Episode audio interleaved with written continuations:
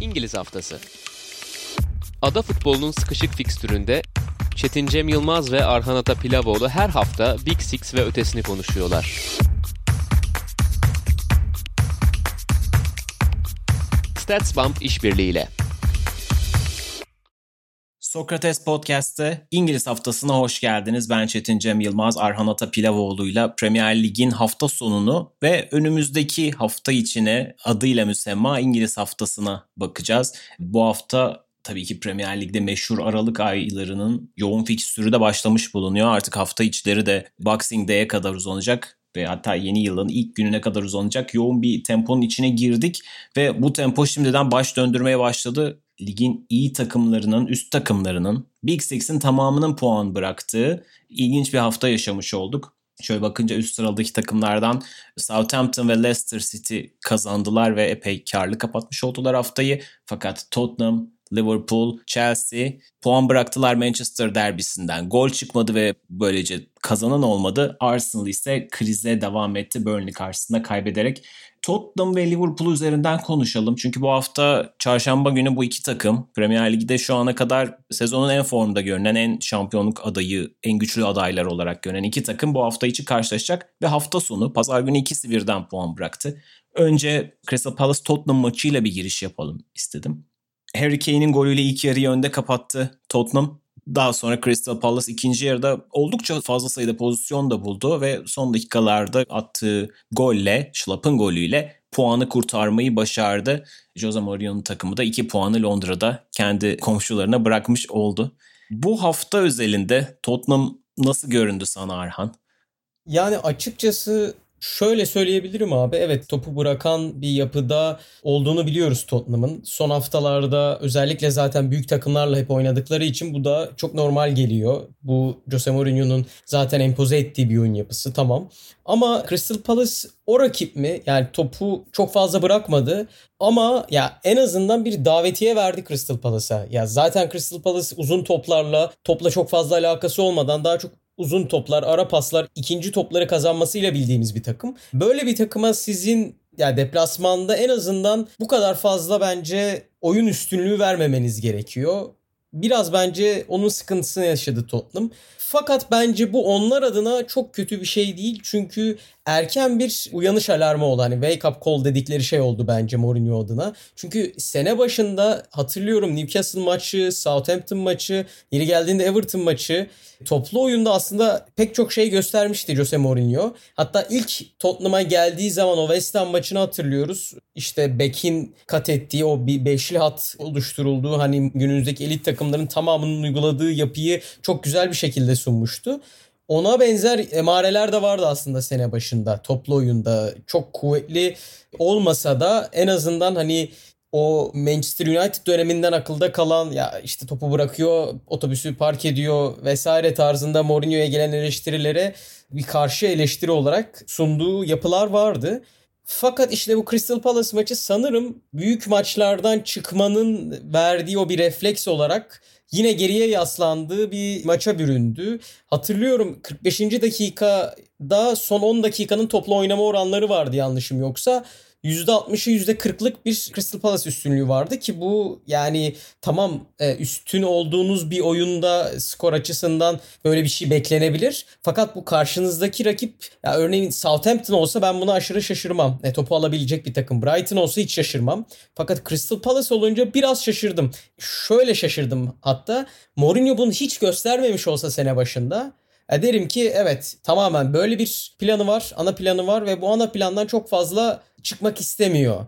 Ama bunu gösterdiği için bence bunu bu maçta da gösterebilirdi. Fakat dediğim gibi muhtemelen çok fazla büyük maç oynamanın, çok fazla reaktif kalmanın etkisi bu maçta da kendine yer buldu. Fakat ileriki haftalar için işte bence bu daha düşük profilli takımlarda, daha topla çok haşır neşir olmayan, daha reaktif kalmak isteyen takımlara karşı topu alması gerektiğine dair bence küçük bir alarmdı. Topu aldı evet ama topu almaktan sadece kastım topla oynamak değil, oyun üstünlüğünü, seti oturmayı da söylemeye çalışıyorum. Bence bu ileriki haftalar için bugün 2 puan bırakılmış gibi gözükebilir ama ileriki haftalar için bence Spurs'dan daha karlı olmuş dahi olabilir. Evet bu maç üzerinde şöyle bir şey ortaya çıkıyor. Tottenham'ın şu ana kadar 12 maçta 7 galibiyeti var. Puan kaybettiği 5 maç. İlk haftadaki Everton maçını bir kenara koyalım ve 4 beraberliği var. O 4 beraberliğin hadi Chelsea maçını da bir kenara koyalım çünkü o da bir büyük maç. Bu 3 beraberlikte de enteresan olan Tottenham'ın öne geçmesi ve sonra bir şekilde yakalanması. Bu hani tekrardan bir tema olarak göze çarpıyor. Şimdi Tottenham skor üstünlüğünü aldıktan sonra çok yıkıcı kontratak silahlarına sahip. Özellikle haftalardır konuştuğumuz son muazzam sürüklüyor kontratakları. Harry Kane de zaten olağanüstü bir pasör haline geldiği için bu işi iyi kotarabiliyorlar. Ama bunu tabii ki bahsettiğin gibi küçük takımlara ya da işte hani ilk golden sonra da haldır haldır bastırmayan, risk almayan takımlara karşı aynı şekilde yapamıyorlar ve bir şekilde yakalanıyorlar. Bu enteresan bir tema haline gelmeye başladı ve şu anda yine hep konuştuğumuz iki türlü Tottenham karakteri ortaya çıkmaya başladı. Bunu geçtiğimiz haftalarda işte geçtiğimiz sezonlardaki Liverpool üzerinden, son birkaç sezondaki Manchester United üzerinden okuyorduk. Diğer takımlara karşı oyunu kabul ettirme ve işte üstünken ya da gerideyken oyun oynama sonuçtaki farklılıklar üzerinden konuşuyorduk. Tottenham'da bu anlamda ilginç bir sınav vermiş oldu diye düşünüyorum. Biraz birkaç hafta üst üste çok düşük gol şanslarından çok fazla gol çıkarttı aslında Tottenham. Bunlar birazcık hani XG mantığını oldukça zorlayan maçlar oynadı Tottenham. Arsenal karşısında çok az işte 0.3'lerden iki tane gol çıkartmıştı. Tabii ki bunlar bireysel yeteneklerle açıklanacak. Çok işte zor bir pozisyonda, uzaktan bir pozisyonda sonun attığı gol gibi ya da çok dar açıdan Harry Kane'in o direği ve ağları bulması gibi. Şimdi bunlar her zaman olamayan şeyler. Daha doğrusu her zaman olacak diye bir şey yok. Bugün işte biraz da Guaita'nın hatasıyla öne geçti Harry Kane'in golüyle. Birazcık topun ilginç bir falso aldığını teslim etmek gerekiyor. Ama çok uzak mesafeden dolayısıyla kalecinin çıkartabileceği bir pozisyondu. Ama işte Harry Kane'in etkisi, topun falsosu, sertliği bir şekilde o golü yaptı. Tottenham da bu tip şeylere sonra birazcık fazla güvenmeye başlıyor sanki. Yani bir yerden sonra oyunu aynı şekilde force etmeyip daha fazla çekilmeye başlıyor. Daha reaktif bir hale de bürünüyor. Topu da bırakıyor. Crystal Palace gerçi bunu yapmak için biraz riskli bir takım. Yani Zaha, Eze gibi iki tane çok ele avuca sığmaz oyuncuları var. Formsuz da olsa Benteke gibi bir forvetleri var. Evet çok fazla gol kaçırıyor. Yani açıkçası bu maç 1-1 de bitmeyebilirdi. Benteke'nin ve bir pozisyonda daha Şlap'ın da kaçırdığı ilginç pozisyonlar var. Aslında Crystal Palace golü daha erken bulabilirdi. Belki o zaman Spurs'e de reaksiyon için zaman kalacaktı ama karşılıklı daha gitgelli bir maç haline dönebilirdi. Golü geç bulmaları belki Crystal Palace için bir avantaj bile olmuş olabilir. Doğru. Ama bütün bunlar Spurs'un birazcık bu oyununa dair soru işaretleri uyandırıyor açıkçası bende. Biraz hafta içindeki maça da döneceğimiz için şimdilik biraz çok uzatmayayım diyorum. Var mı maça dair ekleyeceğin şey? Çünkü nasıl olsa Liverpool Tottenham maçını birazdan konuşacağız. Maça bir ön bakış atacağız. O yüzden bütün kurşunları atmayayım diyorum ben. Evet. İşte tek şöyle küçük bir ekleme yapayım. Statsbomb'dan aldığım veriyi paylaşayım abi sana. Tottenham 23 gol atmış durumda şu anda ligde. Fakat gol beklentisi 14.78. Yani gerçekten çok üst bir şekilde aştığını görüyoruz aslında gol beklentisini. Ki gol beklentisinin altında yatan sistem de uzun vadede bunun sürdürülebilir bir şey olmadığını söyler. Bu da bir şeyleri tabii ki söylüyor. İnsanların zaten oyun olarak Tottenham'ı eleştirmesini hatta hafta içi işte Mourinho'ya sormuşlar. Takımınızı izlemeyi sevmeyen bazı insanlar var ne düşünüyorsunuz diye. Eğer izlemekten zevk almıyorlarsa onlar da izlemesin demiş. Yani düşük gol beklentisinden çok fazla gol çıkartıyor şu an ama işte bu ne kadar sürdürülebilir? Bu 38 haftaya yayılabilir mi? E şu an için evet bu bir soru işareti ama dediğim gibi ben son ekleme olarak onu yapayım. Bence bu onlar adına kesinlikle bir alarm oldu. Bir uyandırma alarmı oldu. Mourinho'nun üstüne düşeceğini düşünüyorum bu durumun. Evet. Bu maçın hemen arkasından Liverpool Fulham deplasmanındaydı. Fulham ligin yeni takımlarından bir tanesi. Galibiyet almakta zorlanan takımlarından bir tanesi ama son 3 sıranın o kırmızı bölgenin hemen üstünde duruyorlardı. Maça da işte Craven Cottage'da bu sene ilk defa seyirciler vardı. Premier Lig'e yeni dönmüş bir takım için de tabii seyircisiz oynamak ekstra kötü olsa gerek. Bir de özellikle hani kadro anlamında da bazı sıkıntılar yaşayan bir takımken hani seyircilerin de etkisiyle maça muazzam başladılar. Olağanüstü bir presle ve Liverpool'u gerçekten sürklase ettiler. Bu sene Liverpool kötü bazı yenilgiler ya da puan kayıpları da yaşadı. Ama bu maçın ilk 30 dakikasındaki gibi bir sürklase olmayı ben uzun zamandır görmüyordum. Yani Liverpool Aston Villa'dan 7 tane gol yedi. Dile kolay ama Aston Villa bu kadar paramparça etmemişti Liverpool'u. Gerçekten çıkmakta güçlük çekti Liverpool büyük ölçüde. 30. dakikaya kadar işte hatta bir tane penaltı itirazı vardı. Birkaç kere direkten döndü Liverpool ama sonunda De Cordova Reed'in harika golüyle Fulham üstünlüğü aldı. Sonra Liverpool'un oyuna girmesi biraz 35. 40. dakikayı buldu. Daha sonra hemen Mane ve Salah'ın iki tane pozisyonuyla biraz işaretleri verdi Liverpool. İkinci yarıda genelde üstün oynadı. Fakat işte bu geç uyanma anca bir puana yetti. Liverpool adına da çok iyi bir sınav olmadı açıkçası. Bu maçta neler çarptı gözüne ben de senden sonra topla oynayayım. Kesinlikle ben de seninle çok benzer şeyleri düşünüyorum. Yani Liverpool'un bu kadar fazla hani çok doğru bir şey söyledin. 7 gol yedi. İnanılmaz enteresan goller yedi. Leeds maçında mesela 3 gol yedi. Maçı kaybedecek noktaya geldi mi ondan bile emin değilim. Yani Liverpool o kadar uzun süredir maç kaybetmeyecek havası veriyor ki bu sene kaybettiği maçta da berabere kaldığı maçlarda da ya herhalde 90'da atacak da bu maçı yenecek hissiyatını verdiğini zaten hep söylüyordum ben. Ama bu maç öyle bir başladı ki Fulham ben 55-60'da yok dedim yani Liverpool en iyi ihtimalle beraberliği alır. Hatta işte penaltıdan sonra dahi 2-1 yakalayabileceklerini düşünmedim. 15 dakika kadar uzun da bir süre verdi Liverpool için. Olmadı zaten. Yani Watford mağlubiyetinden bu yana hiçbir rakibi bence bu kadar yoğun, bu kadar istekli bir şekilde, bu kadar ısıracak şekilde sahaya çıkmamıştı diye düşünüyorum. Çok güzel noktalar vardı bence Fulham adına. İşte mesela iki hafta önce Brighton hakkında konuşmuştuk o alınan beraberlikte. Onlar da mesela çok uzun vurmuştu. E, Fulham da öyle mesela. Fulham da çok fazla uzun pas kullandı. 61 tane uzun pası var. Ki hem Brighton'da da bahsetmiştik, Fulham'da da bahsediyorum. İki takım da çok fazla topu bırakan, topsuz oyunda ne yapacağını çok fazla düşünen takımlar değil. Lige yeni çıkmasına rağmen Fulham %49'la toplu oynuyor. Ya yani bu değerli bir şey ama ona rağmen tamamen topu bırakıp stoperlerin arkasına kanatlarını, hızlı kanatlarını kullanabileceği şekilde bir yapı vardı sahada ki Matip'in yer yer ağır kaldığı noktalar da oldu. Ben bizim dergi için, Sokrates dergi için Abdullah Avcı ile bir röportaj yapmıştım.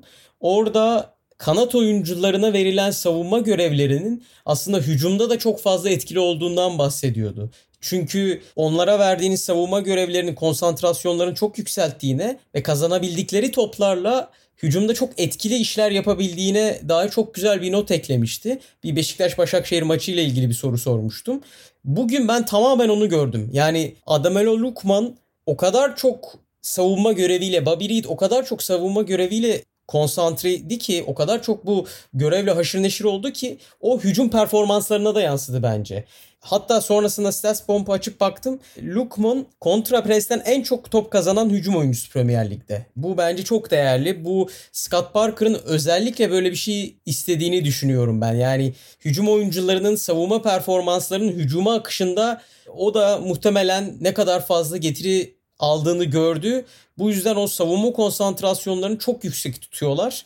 Bu da kesinlikle sahaya yansıdı. Aynı zamanda mesela baskı metriklerine baktım. Premier Lig'deki en iyi 20 hücum oyuncusu arasında iki tane Fulham'lı oyuncu var. Bobby Reed ve Adamelo Lukman. Yani bu kesinlikle Scott Parker'ın empoze ettiği bir şey hücum oyuncularına. Yani rakip takımın defansını zorlayarak, onların hatalarını kovalayarak en kısa şekilde kaleye gitmenin yollarından bir tanesi zaten bu.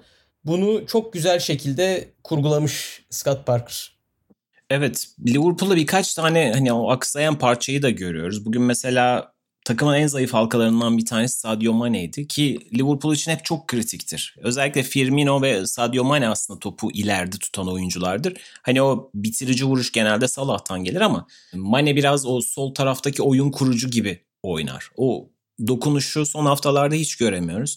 Firmino bilmiyorum Jota etkisi mi ama daha geride duruyor. Daha doğrusu bu takım Fulham, Liverpool o kadar itti ki Firmino da çok fazla ceza sahasından uzakta kaldı. O link up bağlantı oyununu kurmaya çalıştığı için Dolayısıyla o da çok geride kalınca öndeki üçlü birbirinden iyice kopuk hale gelmiş oldu. Trent Alexander-Arnold birazcık takımın büyük ölçüde geçtiğimiz yıllarda takımın ileri iten unsurlarından bir tanesiydi. Onun da sakatlıktan sonra birazcık formsuz döndüğünü görüyoruz. Andy Robertson biraz daha bireysel olarak takımı ileri itmeye çalışan oyunculardan. Onun biraz bir hareketleriyle en azından Liverpool pozisyonlar bulmaya çalıştığı ilk yarıda az da olsa. ikinci yarıda da biraz daha Fulham'ın yorulması, işte baskının birazcık kesilmesi Liverpool baskısını hissettirdi doğru. Fakat gerçekten Liverpool'un bu derece bunaldığı bir 30 dakikalık periyot dediğim gibi ben hatırlamıyorum.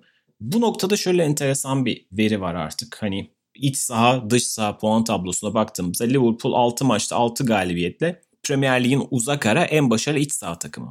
Uzak ara diyorum çünkü arkasından gelen ikinci takım Southampton 4 galibiyet 2 mağlubiyetle 12 puan toplayabilmiş. Fakat deplasman tablosuna baktığımızda Liverpool 20 takım içerisinde 16 sadece 6 maçta 1.1 puan ortalaması gibi bir şey toplamış durumda. 7 puandan bahsediyoruz. Sadece tek galibiyeti var Chelsea. Bu 6 maçın 4'ünde beraberlik bir yenilgisi var. Ve yediği gol sayısı da 12 ki daha çok gol yiyen sadece iki takım var. West Brom ve Sheffield United. Yani ligin en kötü iki takımından bahsediyoruz. Liverpool'un iç saha ve deplasmanı arasında inanılmaz bir fark var. Şu anda Liverpool hala açıkçası Premier Lig'de Tottenham'la beraber ilk sırada tutan şey de açıkçası bu olağanüstü iç saha performansı. Deplasmanlarda neden bu kadar uzak olduğunu şu anda açıklamak çok kolay değil açıkçası ama Liverpool ciddi anlamda oyuna girme problemi yaşıyor yani. Bu bir gerçek. İşte Brighton maçında da biraz daha rölanti bir şekilde 3 puana gidiyordu Liverpool. Evet son dakikalarda bir penaltıyla ama e, puanı bıraktı. Evet ama sonuçta yine de Liverpool o dakikalarda 1-0 gibi kırılgan bir skorla girdiğini ve kendi kalesine penaltı gördüğünü unutmamak gerekiyor. Yani o da bunu affettirecek bir durum değil. Fulham maçında güçlükle kurtarılmış bir puan var. Bu maçlardan bir tanesi evet Manchester City maçıydı dolayısıyla affedilebilir ama 6 maçın sadece bir tanesinin kazanılması oldukça enteresan. Bu ligin işte şu anda United'ın, Chelsea'nin, Tottenham'ın deplasmanlarda oldukça başarılı olduğunu düşünürsek Liverpool'un bu farkı enteresan. Bu anlamda Liverpool belki tekrar mutlu olduğu yere dönüyor olması Liverpool adına avantaj olabilir. Şimdi hafta içi çok çok kritik bir maç var. Liverpool-Tottenham. Liverpool çok büyük bir aslında avantajı yitirmiş oldu. Yani Fulham maçını kazansa bir de üzerine Tottenham'ı evinde yenmiş olsa bir anda puan farkı 5'e çıkmış olacaktı. Liverpool adına yani yılın bu aşamasında 5 puanlık bir fark çok özel bir bariyer, bir tampon oluşturacaktı. Fakat şu anda Tottenham'ın averajla da olsa gerisinde olarak çıkacak. Bir anlamda hata yapma riskinin de olmadığı bir maça çıkacak. Liverpool Tottenham maçını şöyle bir gözden geçirelim. Nasıl bir maç bekliyorsun? Mesela işte yine otobüsün çekileceği bir maç mı olacak? Bu sene bütün maçlar pek çok büyük maç diyelim. Birazdan değineceğimiz Manchester United, Manchester City maçı da bunlara eklendi. Çok sayıda büyük maç berabere ya da 0-0 bitti. Hep bundan bahsediyoruz. Bu da öyle bir maç mı olacak? Yoksa iki takım ligin en formda en iyi iki takımı karşı karşıya geldiğinde şöyle bir futbol ziyafeti çekebilecek miyiz? Nasıl görüyorsun bu karşılaşmayı? Abi benim en çok merak ettiğim maçlardan biri. Çünkü Harry Kane'in Firmino'ya benzerliğini bu sene oldukça fazla konuşuyoruz herkes gibi ve Firmino'yu nasıl kullanması gerektiğini en iyi bilen teknik direktör bu sefer Jose Mourinho'nun rakibi olacak. Bu yüzden Kane'e ekstra bir önlem ya da Kane'i nasıl savunacağı Jurgen Klopp'un kesinlikle ilgimi çeken noktalardan birisi. Bugün hatta Fulham'ın Firmino'yu savunmasıyla ilgili de enteresan detaylar vardı. O derine indiğinde stoperler onunla birlikte hareket etmemişti. Bakalım Kane derine indiğinde, son hareket ettiğinde Liverpool savunmasının şekli nasıl olacak? Burada en çok Liverpool savunmasının sıkıntı yaşayabileceği nokta ağırlık. Hani Brighton'ın da Fulham'ın da stoperler arkasına attığı topların sıkıntı yarattığından bahsetmiştik. Yani Tottenham'da gerçekten bunu sonla çok iyi yapabilen bir ekip. Burada nasıl bir savunma kurgusu çizecek Liverpool o çok etkileyici olacak. Yani Kane derine indiğinde bir stoperi çekmeyerek sonun oralara atacağı koşulları engelleyebilir. Ama mesela işte görüyoruz Crystal Palace maçında Harry Kane derine indi ve çok uzaktan kaleyi yokladı ve gol oldu. Hani böyle bir negatif yönü de var. Eğer stoperinizi Kane'in yanına çekmezseniz ona çok geniş bir kaleyi görme imkanı tanıyorsunuz. Bu yüzden Klopp'un savunması benim en çok ilgimi çeken noktalardan birisi. Tottenham savunmasına dairse elimizde belli şeyler var. Yani Liverpool'la ilk karşılaştığında Tottenham teknik direktörü olarak Jose Mourinho Tanganga'yı çekmişti. O hatırlayacaksın abi sen de. Altılı bir blok oluşturmuştu. Ki bunu Arsenal maçında da Bergwijn ve Son'un durmadan geriye gelerek buna benzer şeyler yaptığını gördük. Bu yüzden Liverpool'u savunurken böyle şeyler izleyebiliriz. Bakalım nasıl olacak ben de çok merak ediyorum ama şöyle bir artısı var bence Mourinho'nun. United'ı yendi, City'yi yendi, Arsenal'ı yendi, Chelsea ile berabere kaldı. Everton maçını dediğin gibi bence de saymak çok doğru değil. Bir kenara bırakabiliriz onu.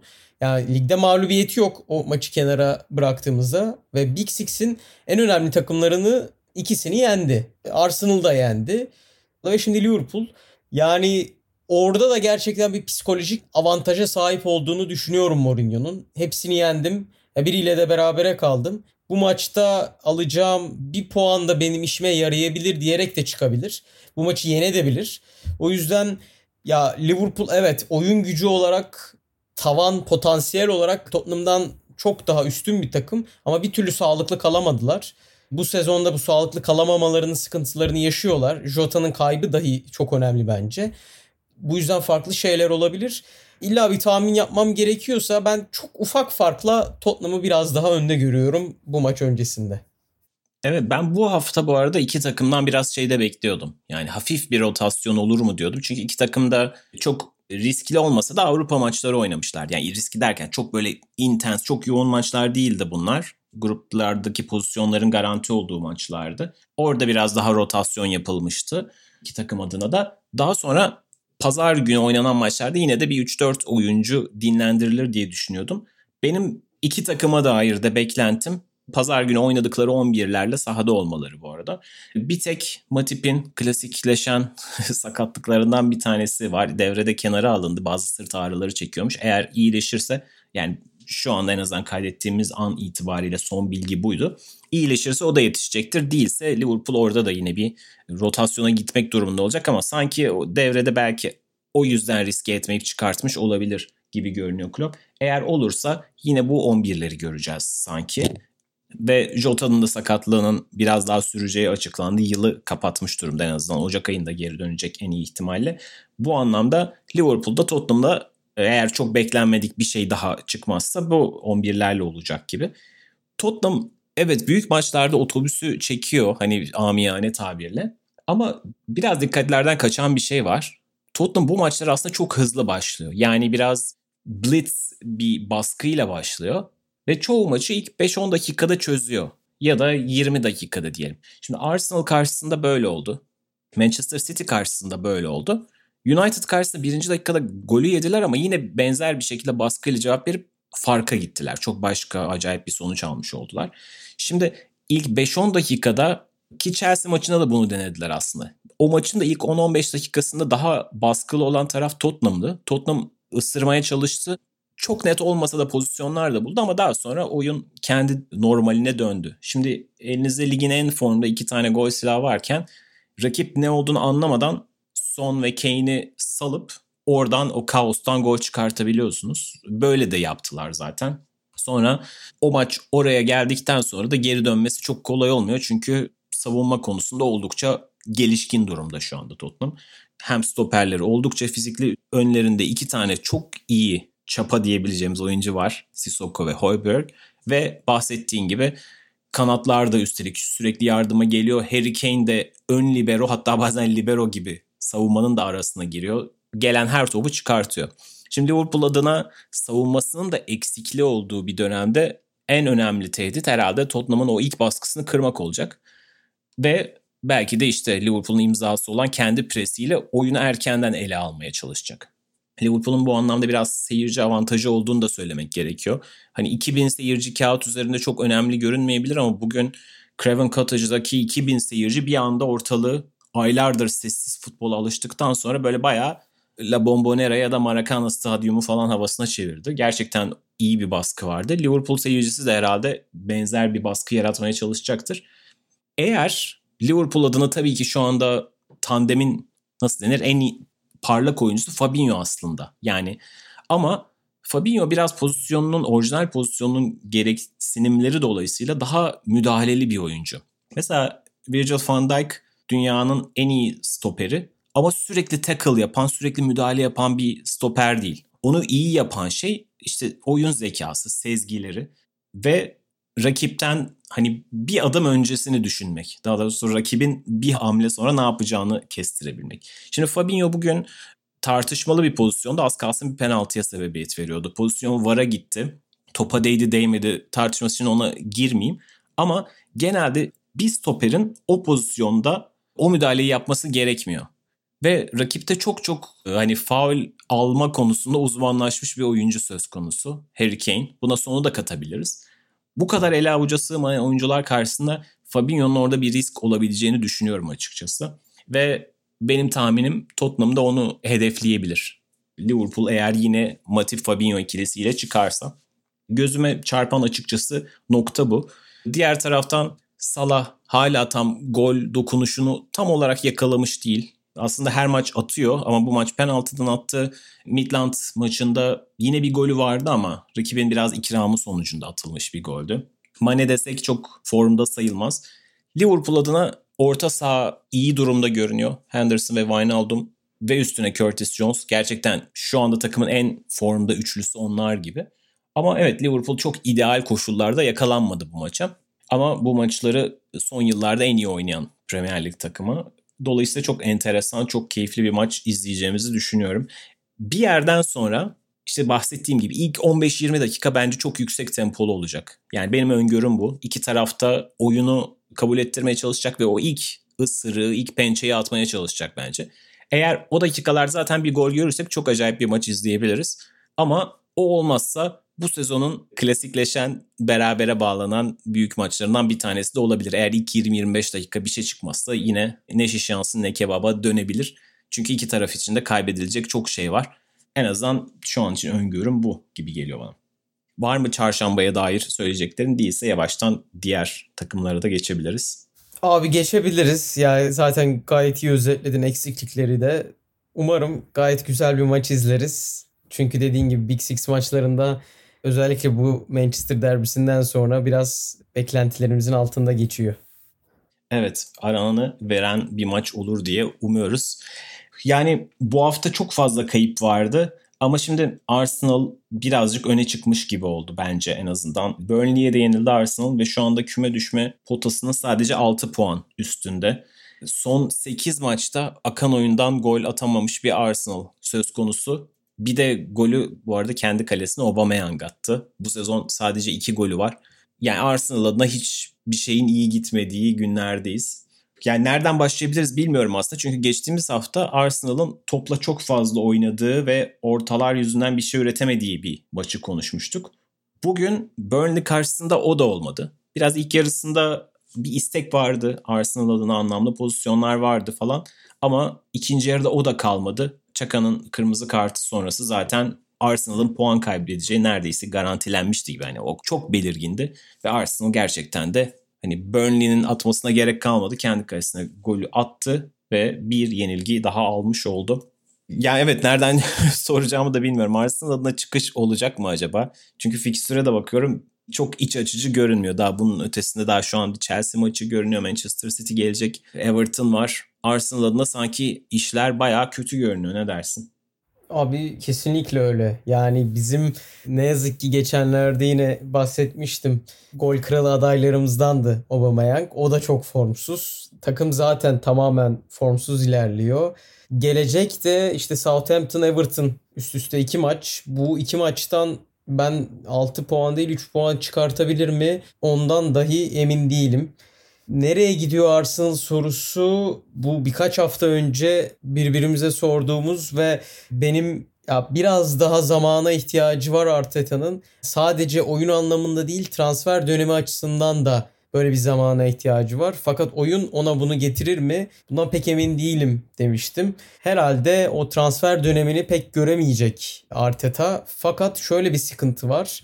Yani Arteta yerine gelecek isim de farklı bir şeyler değiştiremez Arsenal'da. Evet Arsenal şu an amaçsız ve çözümsüz bir oyun sergiliyor. Yani çok enteresan şeyler yapıyor sahada. Metrik olarak hiçbir yerde elle tutulur bir noktaya temas etmiyor. Fakat Arteta yerine gelecek hocanın da ben ne yapacağına dair çok emin değilim. Evet bundan kötüsü zor olur kabul ediyorum. Fakat yani işte Emery gitti, geçici olarak Lümberg geldi, Arteta geldi. Hiçbirisi potansiyel olarak ya bu takım uçacak havasını vermedi. Arteta biraz onun kıpırdanmasını vermişti. Oyun olarak olmasa da en azından maç kazanma alışkanlığı olarak, kupa kazanma alışkanlığı olarak. Fakat gelinen noktada bambaşka şeyler var. Dediğim gibi gelecek hocanın öylesine gelmemesi lazım. Yani Arteta bana biraz öyle hissettirmişti. Bir yeniden yapılanmanın emareleri gibi hissetmiştim Arteta'nın göreve alınmasının ama bugün geldiğimiz noktada onun da koltuğu hiç sağlam değil. Yani büyük altılı takımlarından muhtemelen ilk görevinden ayrılacak isim o olur gibi duruyor. Benim dikkat çekmek istediğim tek bir nokta var. Bu yaratıcılık ve dribbling vesaireyle bu tarz olayları hep zaten konuşuyoruz programda. Onlara değinmeyeceğim. Arsenal'ın en büyük sıkıntılarından birisi de kaleye çok zor gidebilen bir takım. Çok ağır bir şekilde gidebilen bir takım. Oyunun temposu Arsenal maçlarında genellikle hep düşük oluyor. Yani rakipleri de çok fazla Arsenal karesine akın akın gelmiyor. Zaten Arsenal da tam tersi o şeyi verebilen bir takım değil. StatsBomb'dan aldığım bir veriyi söyleyeyim. Direkt olma konusunda yani kaleye direkt gitme, direkt hücum yapma konusunda Arsenal lig sonuncusu. Yani bu anormal kötü bir istatistik değil. Eğer farklı şekilde toplu oyununuz, set oyununuz çok kuvvetliyse bunu optimize edebilirsiniz lig sonuncusu olmayı. Yani örneğin Manchester City'de ya da Liverpool'da ilk iki sırada, üç sırada değil. Yani oyun yapıları gereği. Fakat onların toplu oyunu çok kuvvetli. Yani böyle bir sıkıntı yaşıyor Arsenal. Ne toplu oyunu kuvvetli ne de direkt bir şekilde geçiş oyunlarını çok iyi kurgulayarak kaleye gidebiliyor. Kaleye gitme hızları da çok iç açıcı değil. Yani dediğim gibi o metrik konusunda değinmek istediğim nokta aslında buydu. Hiçbir metrikte Arsenal'ın ne oynadığına dair bir cevap yok. Soru çok ama cevap yok ne oynuyor? Arteta'nın da bende kafasında buna dair bir cevap olduğunu düşünmüyorum. Pek çok şey deniyor. Lacazette'i Aubameyang'ı kenardan en uca sürükledi. Lacazette onun arkasına attı. Sene başında farklı şeyler deniyordu. Üçlü oynuyordu, dörtlüye döndü vesaire vesaire vesaire. Bir şeyler deniyor. Evet yapı kötü ama bundan kötüsü de bundan sonuçsuzu da bence pek olmaz gibi. Aynen ben de onu söyleyecektim. Yani sürekli deniyor. Hani bir yerden sonra futbol manager oynarken de başımıza gelir ya bazen kötü bir periyod yaşarsınız. Parçaları değiştirirsiniz. Yine kötü sonuç olur. Bir daha değiştirirsiniz. Bir daha sonra artık dikiş hiç tutmaz. Şu an tam o hani downward spiral denen dibe doğru çöken o döngünün içerisine girmiş oldu Arsenal. Dediğin gibi üçlüyü başladılar dörtlüye döndüler Aubameyang aynen bahsettiğin gibi soldaydı, öne geldi, Lacazette geride falan filan hala bir çözüm bulunamadı ve ben artık takımın da ne oynadığına dair bir cevabının olduğunu zannetmiyorum. Mental olarak zaten çok problemli görünüyorlar. Yani bu sezon bunu çok fazla maçta gördük. Arsenal birazcık hani iyi niyetle başlıyor. Topa sahip olarak başlıyor. Bir şekilde işte ortalarla, paslarla rakip kaleye gitmeye çalışıyor. Leicester City maçında bunun örneklerini gördük. Leeds United maçında gördük. Aston Villa maçında bugün de aynı şekilde. Bir yerden sonra gol de bulunamayınca yavaş yavaş 25-30. dakikadan sonra maçtan yavaş yavaş uzaklaşmaya başlıyor Arsenal. Ve o dakikadan sonra hiç geri dönemeyeceğini anlıyorsunuz. Yani bugün Premier Lig'de açıkçası ya West Brom dahil hiçbir takım bu kadar çaresiz hissettirmiyor bana sahada. Yani Sheffield United'ı belki bir kenara koyabiliriz ama Sheffield United bile bu kadar kolay havlu atmıyor. Yani West Bromwich'in çünkü Newcastle maçını izlediğim için bunu söylüyorum. İşte maçın henüz 15. 20. saniyesine geri düştü West Bromwich. Artık çoğu takım için, dipteki bir takım için havlu atmak için ideal koşullardır ama West Brom savaştı. Oyunun içerisine dönmeye çalıştı. Gol aradı ve buldu. Sonra tekrar yenildiler ama hani onu anlayabiliyorsunuz. Arsenal'ın herhangi bir şekilde negatif bir duruma karşı verebileceği hiçbir reaksiyon olduğunu görmüyorsunuz maçta. İşte kırmızı kart da olabilir bu. Yediği bir gol de olabilir. Yani evet Çaka'nın kırmızı kartı talihsizdi. Çok saçma, tamamen bireysel bir gaflet anı. Ama o dakikadan sonra Arsenal'ın illa Burnley'e yenilmesi gerekmiyor yani. Burada mecbur değilsiniz açıkçası. O dakikadan sonra iyi kötü en azından puan alıp gidebilirsiniz. Ama izlerken o kadar belliydi ki Arsenal'ın oradan sonra bir şekilde yenileceği Yani yine ne yaptılar ettiler ve kendi kalelerine dağıttılar. Yani bu gerçekten artık bir yerden sonra bir mental olarak duraklamayı, bir kararmayı işaret ediyor bence. Yani buradan nasıl çıkabilirler bilmiyorum. Hani bir liderlik problemi var gibi görünüyor ortada. İşte bugün kart gören oyuncu da zaten takımın kaptanı idi. Yani şu an artık fiziksel olarak kaptanı yani mental olarak da lideri olmadığı ortada. Bu takımın lideri belki iyi kötü Aubameyang gibi görünüyor ama işte o da değil. E, haliyle oyuncular bunu hissediyor. Geçen sene hep hatırladığım aklımda kalan bir şey vardı. Chelsea'nin Sheffield United'a 3-0 yenildiği maçtan sonra Frank Lampard demişti ki işte bugün siz de fark etmişsinizdir. Burada sadece sesi duyulan oyuncular Sheffield United'lı oyunculardı. Bizimkiler hiç bağırmadılar. Maçı daha çok istediklerini görmedik diye. Yani bu tip şeyleri göstermek de önemlidir. Oyuncuların Türkiye'de bu tip şeyler hani motivasyon diye hor görülür. Ama aslında mental üstünlük çok çok önemli. Yani sonuçta burada Arsenal oyuncuları yeteneksiz oyuncular değiller ama mental olarak gerçekten çökmüş durumdalar. İşte 12 maçın 7'sini kaybetmiş bir Arsenal var. Dediğin gibi önde görünen Southampton ve Everton maçlarının böyle direkt favorisi diyemiyorsun artık Arsenal için. Sonra kupada işte Manchester City maçı görünüyor. Hadi kupa belki gözden çıkarılacaktır falan rotasyonla oynanır. E sonraki hafta yine Chelsea görünüyor. Yani Arsenal bir anda Burnley, Fulham ve Brighton'ın da maçları kazanmaya başlayacağını düşünürsek yani Brighton'la bugün Ozan Can Sülüm yazmış yani Brighton'la Aralık sonunda ya da Ocak başına çıkılacak maç yani gerçekten bir küme düşme maçı haline gelebilir. Bu Arsenal gibi bir takım için söylemesi bile korkunç üzücü yani açıkçası. Doğal sayılar.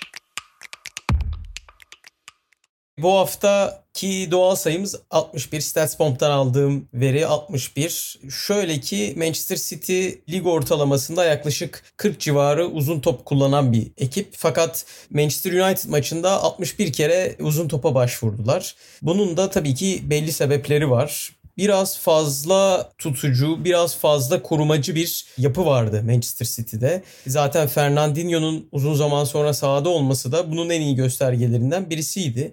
Normalde büyük maçlara karşı evet çift pivotu kullanan bir yapısı var Manchester City'nin ama Manchester United gibi çok fazla en azından bu maç özelinde hücum tehdidi olmayan bir takıma karşı bu kadar fazla korumacı şekilde oynamak, çift pivotla oynamak, savunma arkalarına uzun toplarla etkili olup olası kontraları biraz daha minimize etmek. Çünkü böyle olunca uzun top attığınızda savunma çizginizi çok fazla rakip yarı sahasına, rakip ceza sahasına yaklaştırmamış oluyorsunuz doğal olarak. Bunu kullanarak hücum etmeleri benim biraz ilgincime geldi ki ben Pep Guardiola'nın da evet oyunu tuttu bir yere kadar ama hiç pozisyon vermedim United'a. Ben buna pek katılamıyorum. Çünkü hem akan oyunda hem duran toplarda sanki United daha çok istediğini yapan ve daha çok etkili olan taraftı. Burada da şöyle bir şey aklıma geldi benim. Jurgen Klopp City çok iyi giderken belki programda da bahsetmiş olabilirim.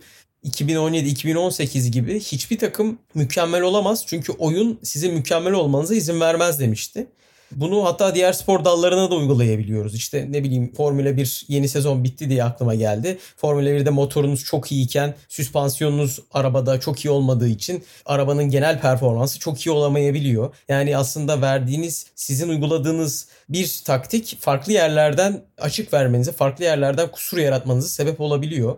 Bu yüzden ana planınızın getirilerini optimum şekilde sağlamanız gerekiyor. Eğer sağlayamazsanız o zaman işte planınızdaki kusurlu yanlar daha fazla ortaya çıkıyor. Ben de Manchester City'nin bu ana planını çok iyi uygulayabildiğini düşünmüyorum açıkçası. Evet bir tutuculuk, bir koruma vardı.